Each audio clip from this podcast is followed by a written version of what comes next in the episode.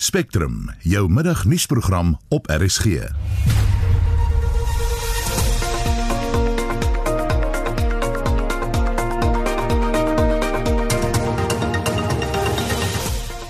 In vermiddag se program die nasionale ramptoestand is vandag 6 maande gelede afgekondig toe die COVID-19 pandemie in Suid-Afrika toegeslaan het. We don't really know when it will occur in South Africa. The overall statistics suggest that it would occur in about two to three months, but you know it's anybody's guess. We just don't know enough about what drives the second wave. Is daar lewe op ons buurplaneet? Ons praat met 'n kenner. Jy gaan verantwoordelik gehou word indien jou hond iemand byt buite jou erf. Dit maak nie saak of die eienaar opsetlik of nalatig was nie. En ekonome is versigtig optimisties dat nog 'n rentekoersverlaging voorlê. Welkom by Spectrum, die span is Wessel Pretoria, Lewona Bekes en ek is Susan Paxton.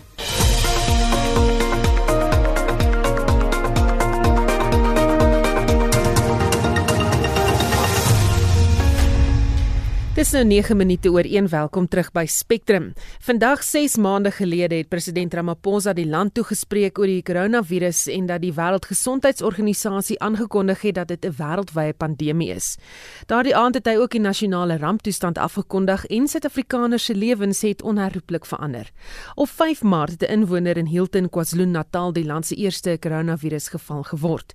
Die rampbestuurswet is in werking gestel in gevolge waarvan 'n ramptoestand vir 3 maande afgekondig nodig is. Dit is daarna op 'n maandelikse grondslag verleng. Die derde verlenging eindig vandag, maar die vierde verlenging tree môre in werking en sal tot die 15de Oktober duur. Die voorsitter van die regering se COVID-19 advieskomitee, professor Salim Abdul Karim sê intussen, daar is geen rede waarom die land nie na vlak 1 van inperking kan beweeg nie.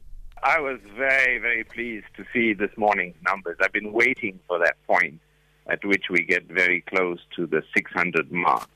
Put very simply, if we reach a level of about one case per 100,000 people, that translates into about 600 cases, then we can be categorized or can view, take a view that we have low level of transmission.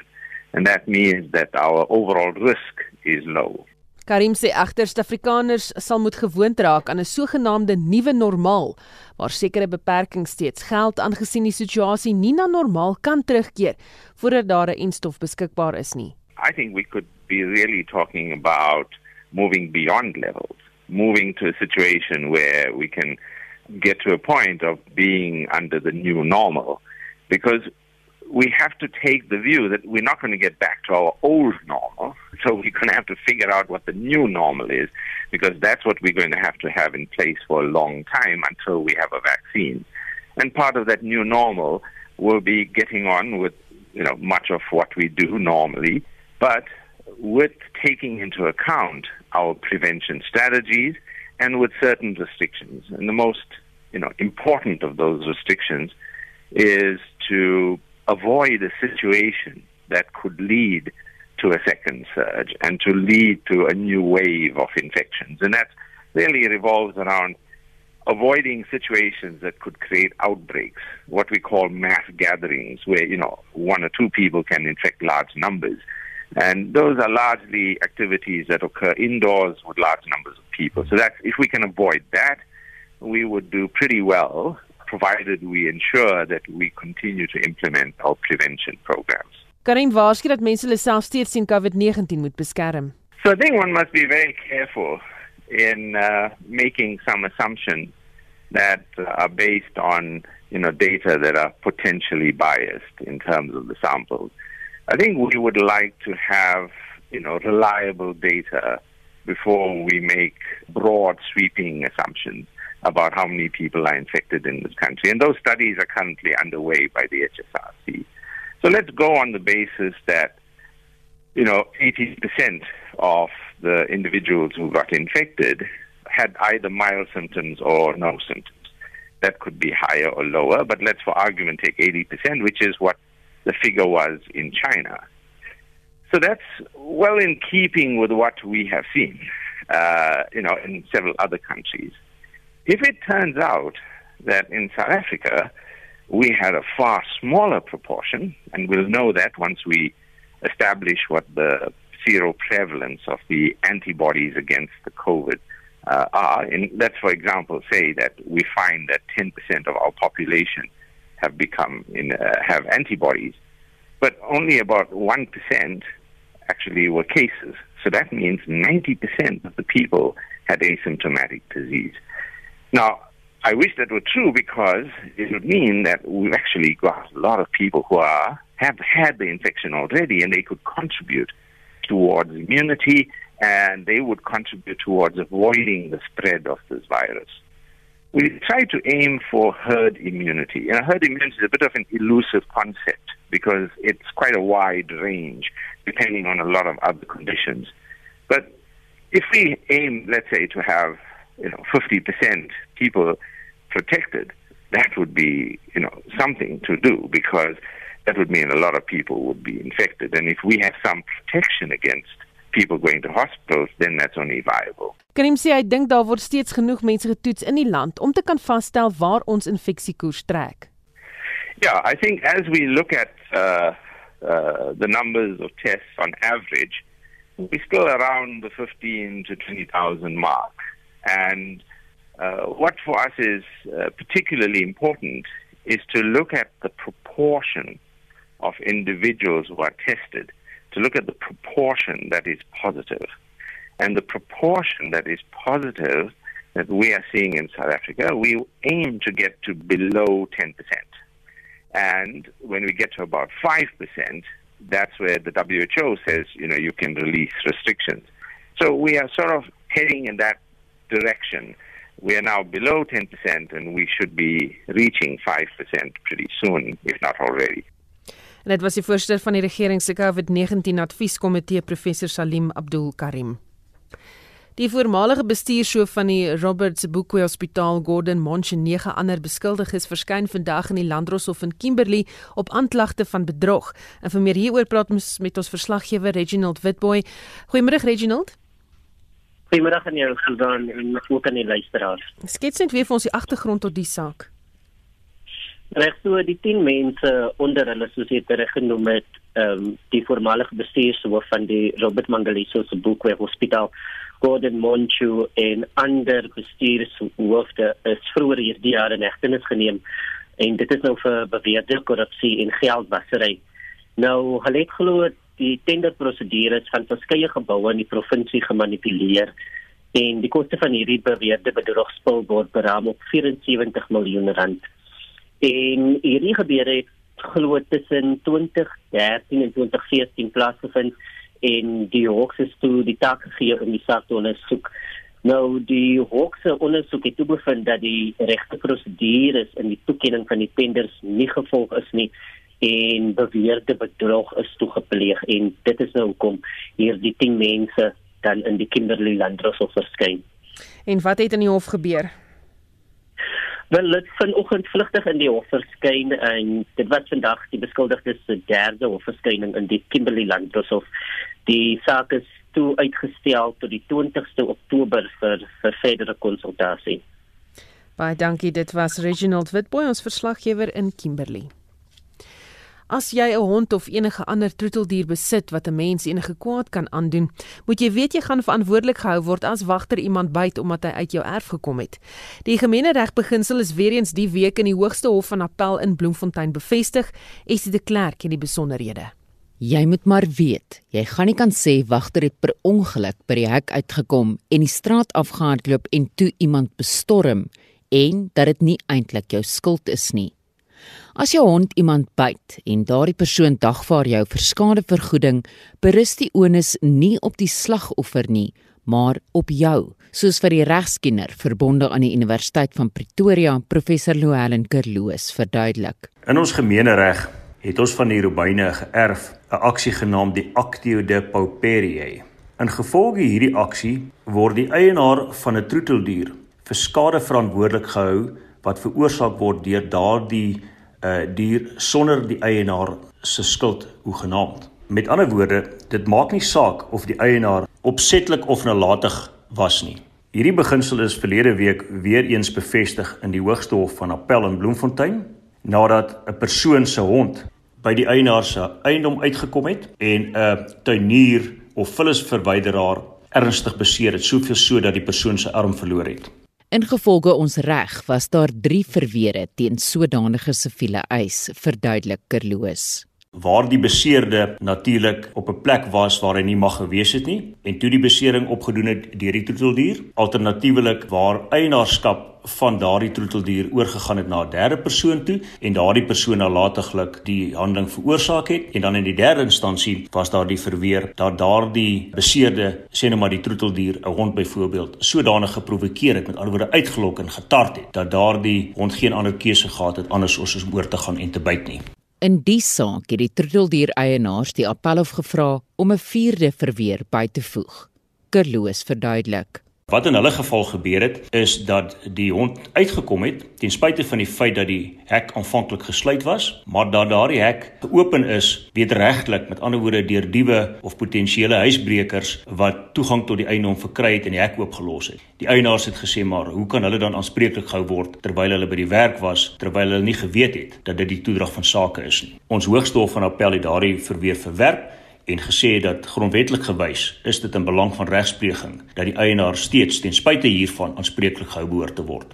Vir 'n eiser om te slaag in 'n skadevergoedingseis teen die troeteldier eienaar, moet die eiser bewys dat die troeteldier se eienaar inderdaad die verweerder was op die tydstip waarop die beserings plaasgevind het. Ook dat die dier wel 'n troeteldier en nie 'n wilde dier was nie en dat die dier opgetree het teenstrydig met die natuur van 'n troeteldier en dat die handeling van die dier in die geval dat die dier gebyt het skade veroorsaak het aan die eiser en dit kan skade insluit aan eiendom of die persoon self. Gewoonlik adviseer regsgeleerdes hulle kliënte wat die eisers is in sulke gevalle om ook gebruik te maak van die sogenaamde actio legis aquiliae. In gevolge hierdie gemeenregtelike eisoorsaak wat dan gewoonlik in die alternatief tot die sogenaamde actio de paperiae waarna ek verwys het ingestel word, kan die verweder ook aanspreeklik gehou word. In daardie gevalle waar die eiser nie daarin kan slaag om eienaarskap van 'n troeteldier aan 'n spesifieke eiser toe te kan dig nie. In sodanige geval is die eienaar of verweder ook aanspreeklik in die geval waar daar dan nalatigheid bewys word aan die kant van die verweder. Dit was die regskenner professor Louwelen Kerloos. Ek is Estie de Klerk vir SAK nuus. President Donald Trump het vroeër vanoggend op Twitter gereageer op gerugte dat Iran glo 'n sluipmoordaanval op die Amerikaanse ambassadeur in Suid-Afrika, Lana Marks, wou uitvoer. In sy tweet het Trump gesê enige aanval op Amerikaners sal beantwoord word met 'n aanval op Iran wat 1000 maal erger sal wees. Die Amerikaanse politieke webwerf Politico het Sondag oor die beweerde aanval berig. Ons praat nou met 'n politieke en beleidsontlede verbonde aan die Noordwes Besigheidsskool, Theo Venter. Goeiemôre Theo. Middag Susan. Hierdie klink amper soos 'n storie uit 'n spionasieboek. Daar is baie goed wat op die oomblik in Amerika plaasvind en wat in Amerika versprei word wat uh, klink soos thriller boeke op die oomblik en uh, ek dink en daardeur wil ek sommer sê of wil ek nie sommer dit afwys as uh, as 'n storie nie maar ons moet onthou die Amerikaners is nou minder as 2 maande weg van 'n presidentsverkiesing af wat waarskynlik een van die mees kompeterende presidentsverkiesings in baie baie jare was. En um, enige iets is op die oomblik moontlik. Nou as jy mens kyk na Donald Trump op die oomblik en watter um, faktore en watter kwessies hy gebruik om as 'n alternatief te dien vir die feit dat sy belangrikste veld tog ehm um, nie kon werk nie naamlik dat die Amerikaanse ekonomie die beste ekonomie in die wêreld was want COVID-19 het hom natuurlik gepootjie dan is dit drie goed wat uitstaan sy veldtog teen China, sy veldtog teen Iran en sy veldtog teen ehm um, eintlik enige land wat Amerika skade doen ekonomies en andersins. En Iran is hier baie krities. En vir my was dit nogal betekenisvol dat Politico een van die meer ehm um, behoudende ehm um, dink denkskrams in Amerika ehm um, hierdie berig ehm um, laat loop het ehm um, ten opsigte van Suid-Afrika. Is jy gevoel hier dat daar dalk 'n versteekte politieke motief is in aggenome dat daar verkiesings of dat dit verkiesingstyd is in die FSA? Ja, ek dink mens moet dit in die eerste plek sê. In die tweede plek moet ons ehm um, baie baie ehm um, eerlik wees en die en die speel ophou met betrekking tot Suid-Afrika. Suid-Afrika is nie 'n veilige land in terme van nasionale veiligheid nie. Ons het 'n hele paar um, plekke het ons al die bal laat val in terme van ons grense, in terme van grensbeskerming en in terme van hoe ons veiligheid kan handhaaf. Ons weet dat hier al 'n hele paar gevalle was waar mense wat verbintenisse het met ISIS en ander groepe al deur Suid-Afrika beweeg het sonder dat daar eintlik 'n hand op hulle gelê kan word. So Suid-Afrika is 'n maklike teken as jy so iets wou doen. En ek dink dit moet vir die Suid-Afrikaanse besluitnemers 'n bron van groot kommer wees. As jy iets soos dit wou doen, ehm uh, byvoorbeeld in um, Iran, sou dit nie moeilik wees om in Suid-Afrika te kom nie. Dit sou baie moeiliker wees om deur te dring deur die geweldige veiligheidsnet wat die Amerikaners om hulle personeel en die ambassadeur en die ambassade en die soort van goed getrek het. So ek dink nie die Amerikaners voel regtig vreeslik bekommerd nie. Dis ten minste veiliger by ons as wat dit in Kenia was 'n paar jaar gelede waar jy onthou soortgelyke optrede teen Amerikaanse regeringsamptenare plaasgevind het. Maar ek dink dit moet vir Suid-Afrika regtig 'n bron van kommer wees. Sal hierdie gebeure die verhouding tussen Suid-Afrika en die VSA enigstens beïnvloed? Wel, die hele Amerikaanse presidentsverkiesing gaan 'n invloed hê op die verhouding tussen Suid-Afrika en Amerika, maar ek dink um, daar gaan 'n groter fokus wees op um, verhoudinge met Suid-Afrika in terme van veiligheidsverbintenisse. Met ander woorde, kan Suid-Afrika vertrou word dat hulle die regte goed gaan doen en dat hulle die regte goed in plek gaan hê met betrekking tot die eise wat die Amerikaners stel. Hulle eise rondom sekerheid is natuurlik um, baie baie streng en en op 'n baie baie hoë vlak en ek weet nie of Suid-Afrika daarby uitkom nie. As 'n mens net vir 'n oomblik terugdink hoe dit moontlik was uh in die stories wat nou vir die Sonderkommissie um loop. Hoe dit moontlik was vir die vir die uh, Guptas om met 'n vliegtuig te land in Waterkloof. En um die regering eintlik na die tyd moes erken. Um of ons het nie geweet nie of ons het geweet maar ons wil nie sê nie. Dis die soort um uh sekuriteits um uh breuke wat ons nie kan bekostig nie en dit behoort in menige lande te bekommer in terme van die verhouding met Suid-Afrika. Baie dankie, dit was die politieke en beleidsontleder van die Noordwes Besigheidsskool, Theo Venter. Sanparks sê hy ondersoek nog die oorsaak van die twee brande wat die afgelope week in die Wildtuin uitgebreek het. In die eerste geval is die Letaba kamp winkel in Pine gelê en gister is die Berg en Dal restaurant in 'n brand beskadig. Die woordvoerder van die Wildtuin, Ike Pagla, sê daar's geen teken sover van brandstigting nie. Sunparks can confirm that there have been two fires in the Kruger National Park in the past week. The first one took place on the 9th of September at the Letaba Park shop and damaged the shop and the staff television room. The second fire took place on the 14th of September at Bergendal restaurant and damaged parts of that facility. The two incidents are being treated as different accidents and investigations are ongoing. There is no reason for Sunparks to suspect any foul play at this stage. En dit was die woordvoerder van die Nasionale Kreer Wildtuin Ike Pagla. Jy luister na Spectrum elke weekmiddag tussen 1 en 2.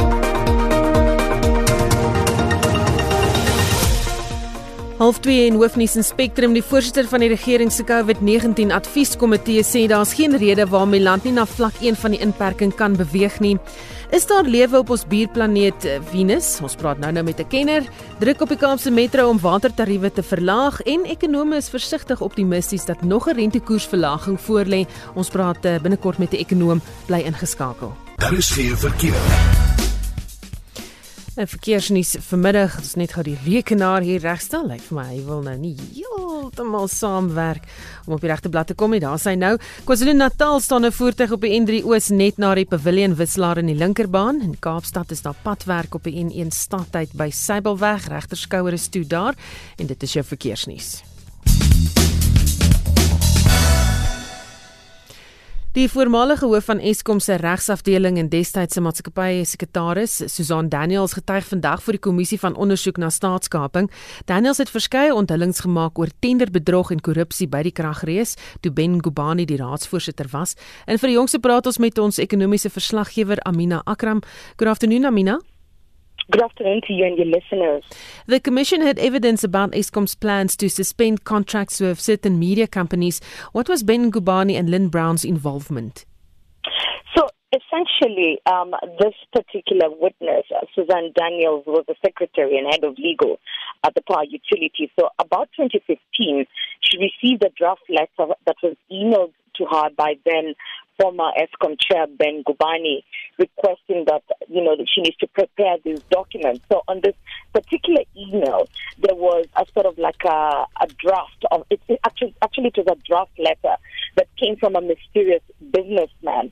And so it was forwarded to her by Ngubani saying, you know, she needs to prepare these documents because they wanted and the contract and a special relationship with three particular newspapers, that's mainly Guardian, City Press, and Sunday Times, to be terminated.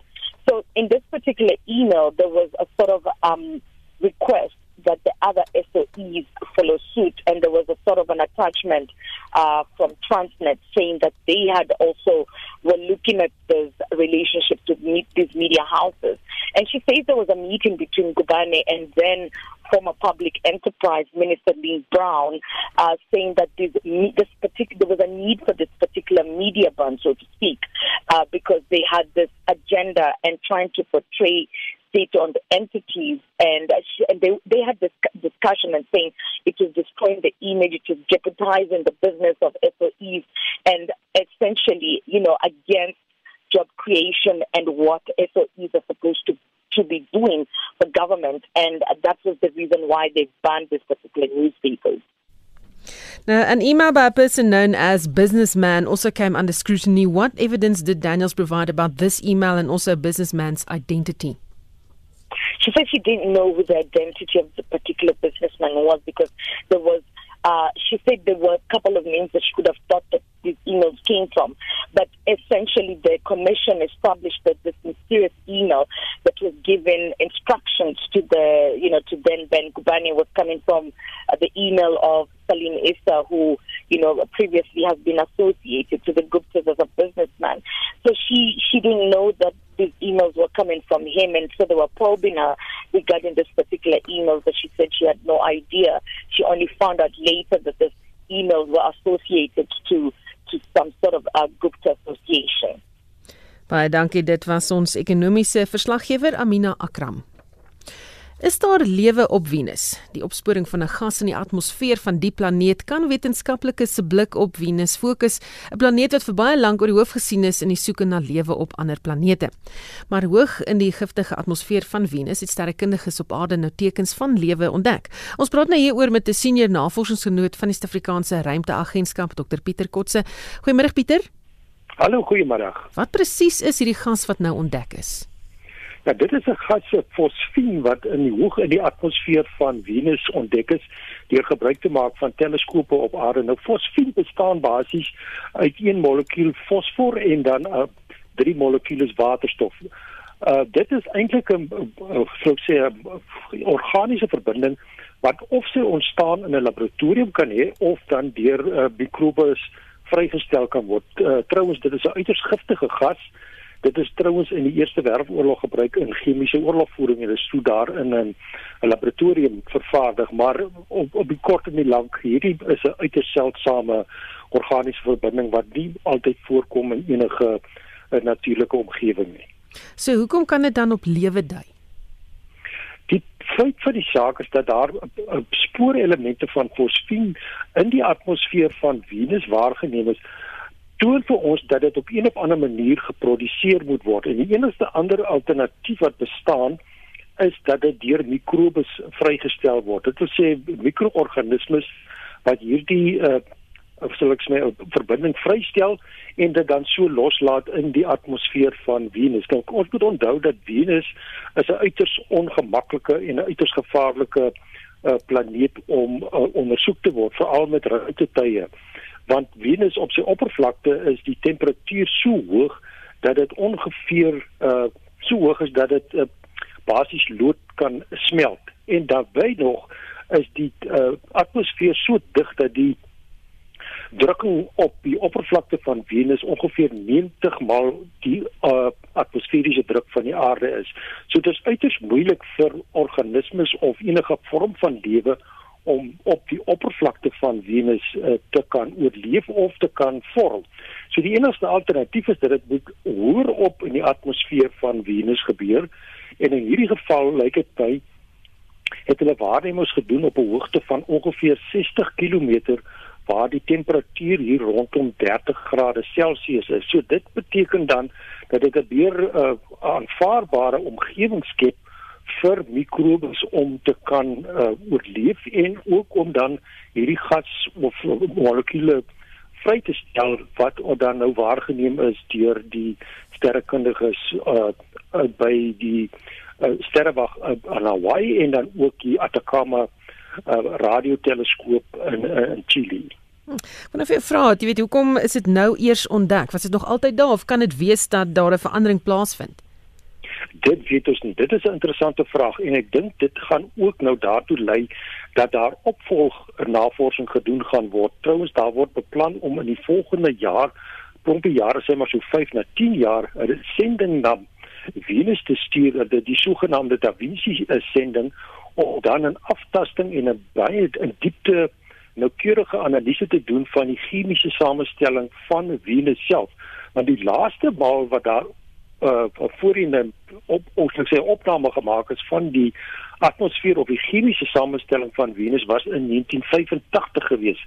En sedertdien is daar nog nie weer 'n sendingsplaas of in die laaste sending was in 1990 gewees en dit was net om 'n radar aftasting te doen van die oppervlakte van Venus om te sien hoe rotsagtig dit is is daar enige vorm van vloeibare eh, media teenwoordig en hoe diep is die rotse en dis meer so daar's nie eintlik nog werklik 'n uh, eh, so sê nou keurige eh, ondersoek gedoen na die chemiese samestelling van Venus. Dit is tog 'n veld wat braak lê en trouens hierdie uh, ontdekking van uh, fosfien het eintlik as 'n merkwaardige uh, deurbraak gekom en dit is eintlik totaal en al onverwags van ons kennis wat ons tot dusver van uh, die uh, planeet uh, Venus het.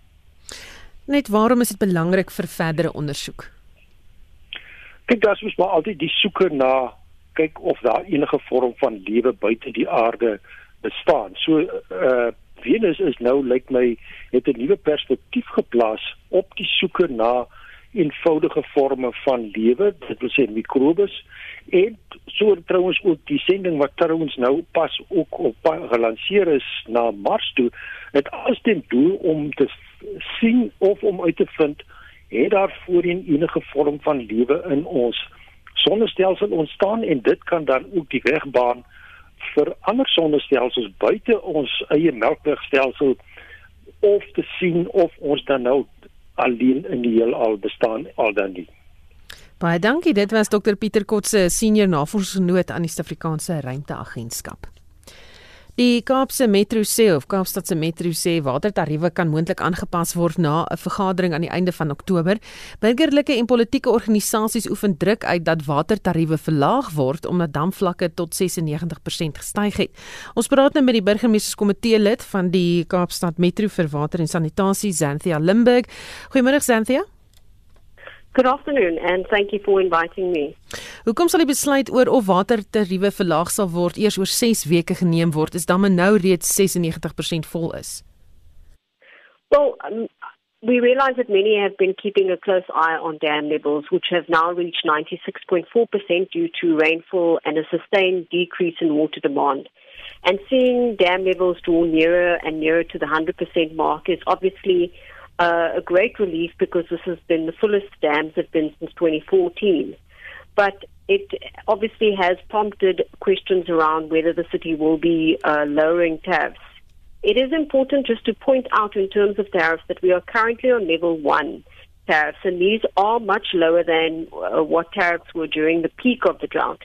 And on level one tariffs, which is the second lowest tariff level, residents are paying 1.7 cents per litre in the first step of the tariff.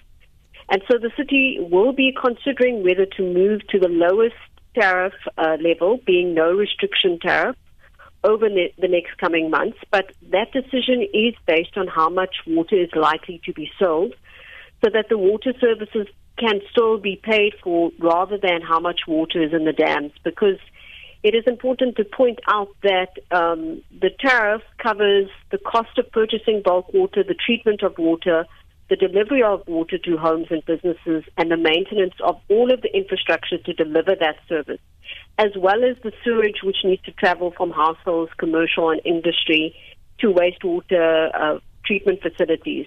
And the cost of maintaining all of that infrastructure uh, does not significantly change even though uh, water consumption increases or decreases or or how much water is in the National Department of Water and Sanitation dams that supply Cape Town, agriculture, and other municipalities.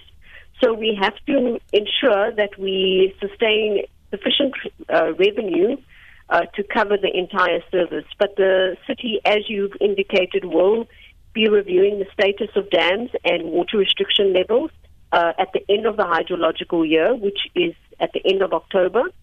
Uh, we do this in terms of our normal planning and projections. Uh, it's an annual process and it is done in consultation with the National Department of Water and Sanitation and all of the other users within the catchment, such as uh, other municipalities and irrigation boards because we depend on a shared water resource. It is not only Cape Town's water, that water needs to be shared amongst many users.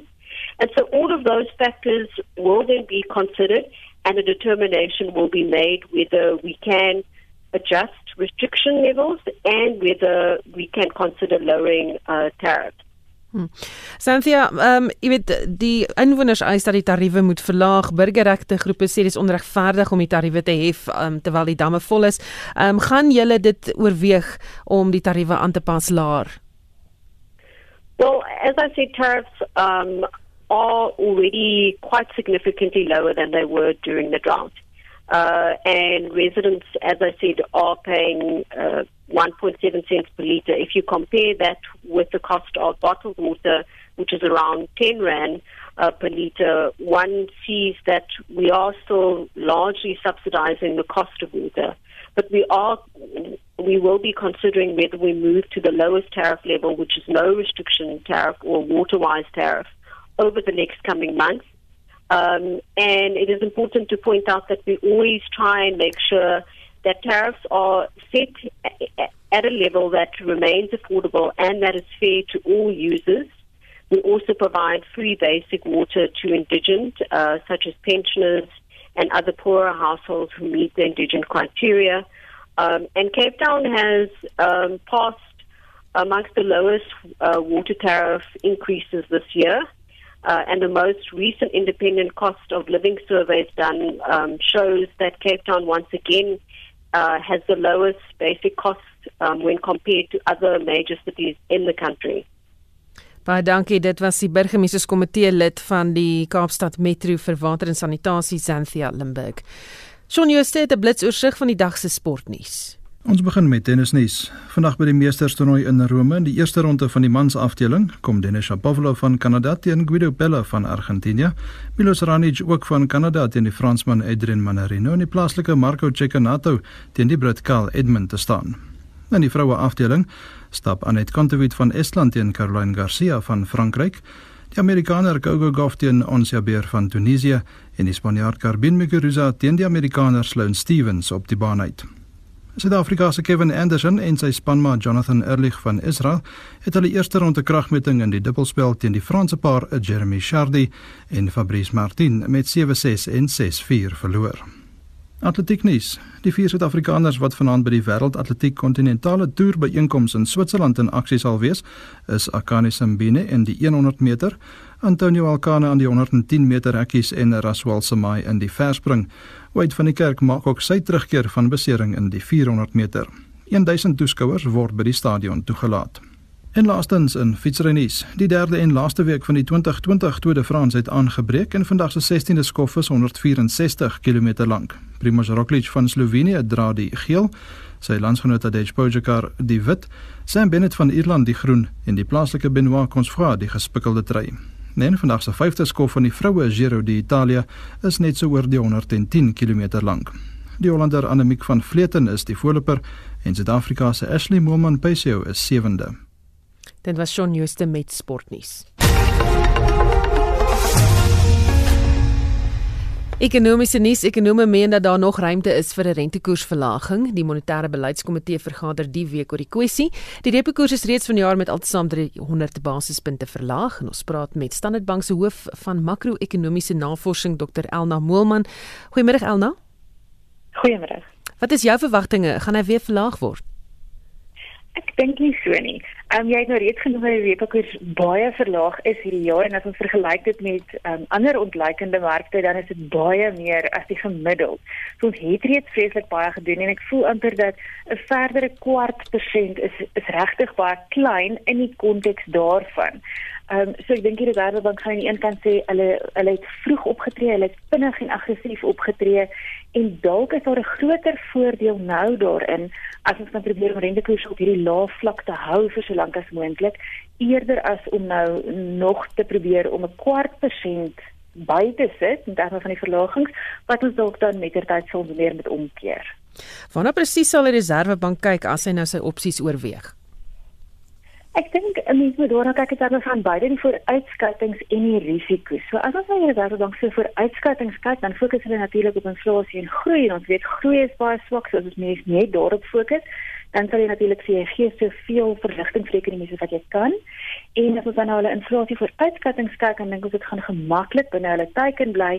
So weer eens kan 'n mens dalk argumenteer daar ruimte vir die kwart persent waarna jy verwys het wat wat baie mense dink daar kan wees. Maar al sien al daardie uitskattings dan vir jou dat jy dalk nog 'n kwart persent kan insit. Dan is daar vreeslik baie risiko's waar ons baie bekommerd is.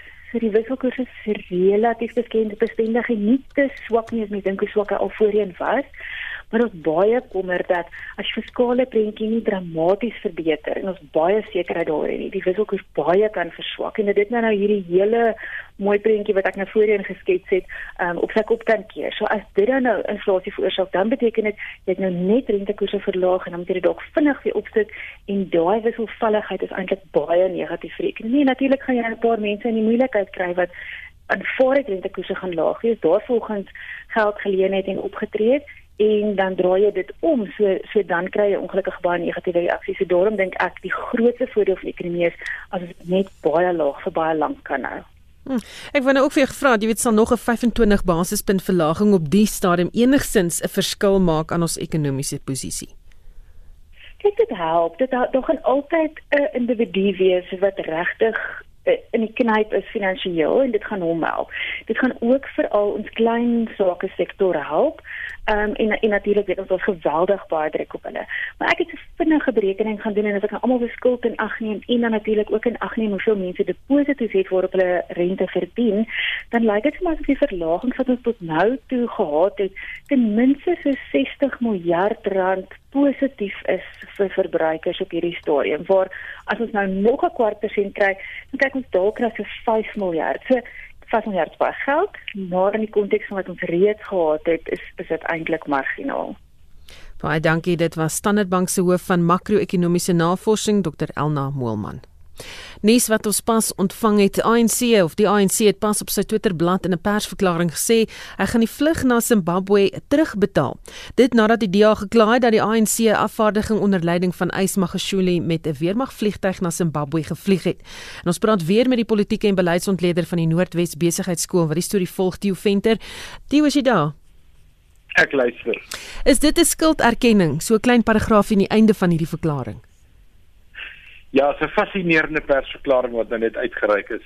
Ehm um, die die grootste deel van die persverklaring gaan oor die goeie werk wat in Zimbabwe gedoen is en die broederlike verhouding tussen die ANC en die ZANU-PF en dan heel aan die einde kort klein paragraafie wat sê ons is verskriklik jammer dat ons die verkeerde metodes gebruik het, die verskillende maniere gebruik het, maar ons sal die weermag al die geld terugbetaal vir hierdie vlug. Nou dit moet gesien word in my oë as 'n 6-0 oorwinning vir president Ramaphosa. Hy het uh, Vrydag, Saterdagoggend gesê hy soek binne 48 ure antwoord. Ehm um, dis die tweede keer dat meneer Ysmagashule dink ek ehm um, ehm um, moes terug terugkrabbel en verskoning aanteken. Ons sal onthou dat die vorige keer was 2, 3 weke gelede met daai lang konferensie van die ANC waar tydens hy eintlik aangestel is om toesig te hou oor al die korruptes en daaroor terug te rapporteer en dis ook hy onder sy handtekening wat hierdie apologie op die oomblik um, aangeteken is. Maar hoe gebeur so iets sonder dat president Ramaphosa weet van 'n ANC afvaardiging wat met 'n weermagvliegtuig na Zimbabwe vlieg?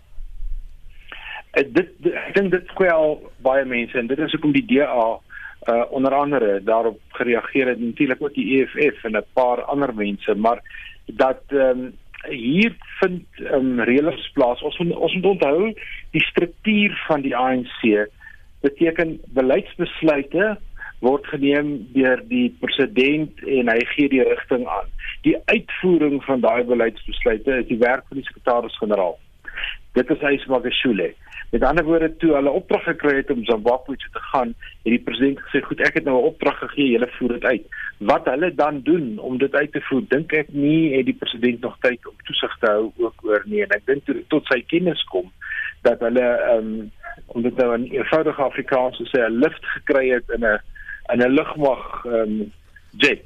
Toe het ehm um, ek dink toe het die het die is was hy God gaar dat ehm um, dit nie die manier is om dit te doen nie, maar ek dink ook vir my is daar 'n stukkie arrogansie in opgevat en opgeneem in terme van die hoof van die of die die die die, politieke hoof van die weermag, naamlik die minister van verdediging. Dit is nie die eerste keer dat sy militêre vliegtuie wan aanwend vir persoonlike of ander doeleindes nie. So ek het 'n idee haar posisie is ook ingedrang. Maak die terugbetaal daarvan alles weer reg glad nie. Dis bloot vir my wat my aanbetref 'n erkenning van skuld.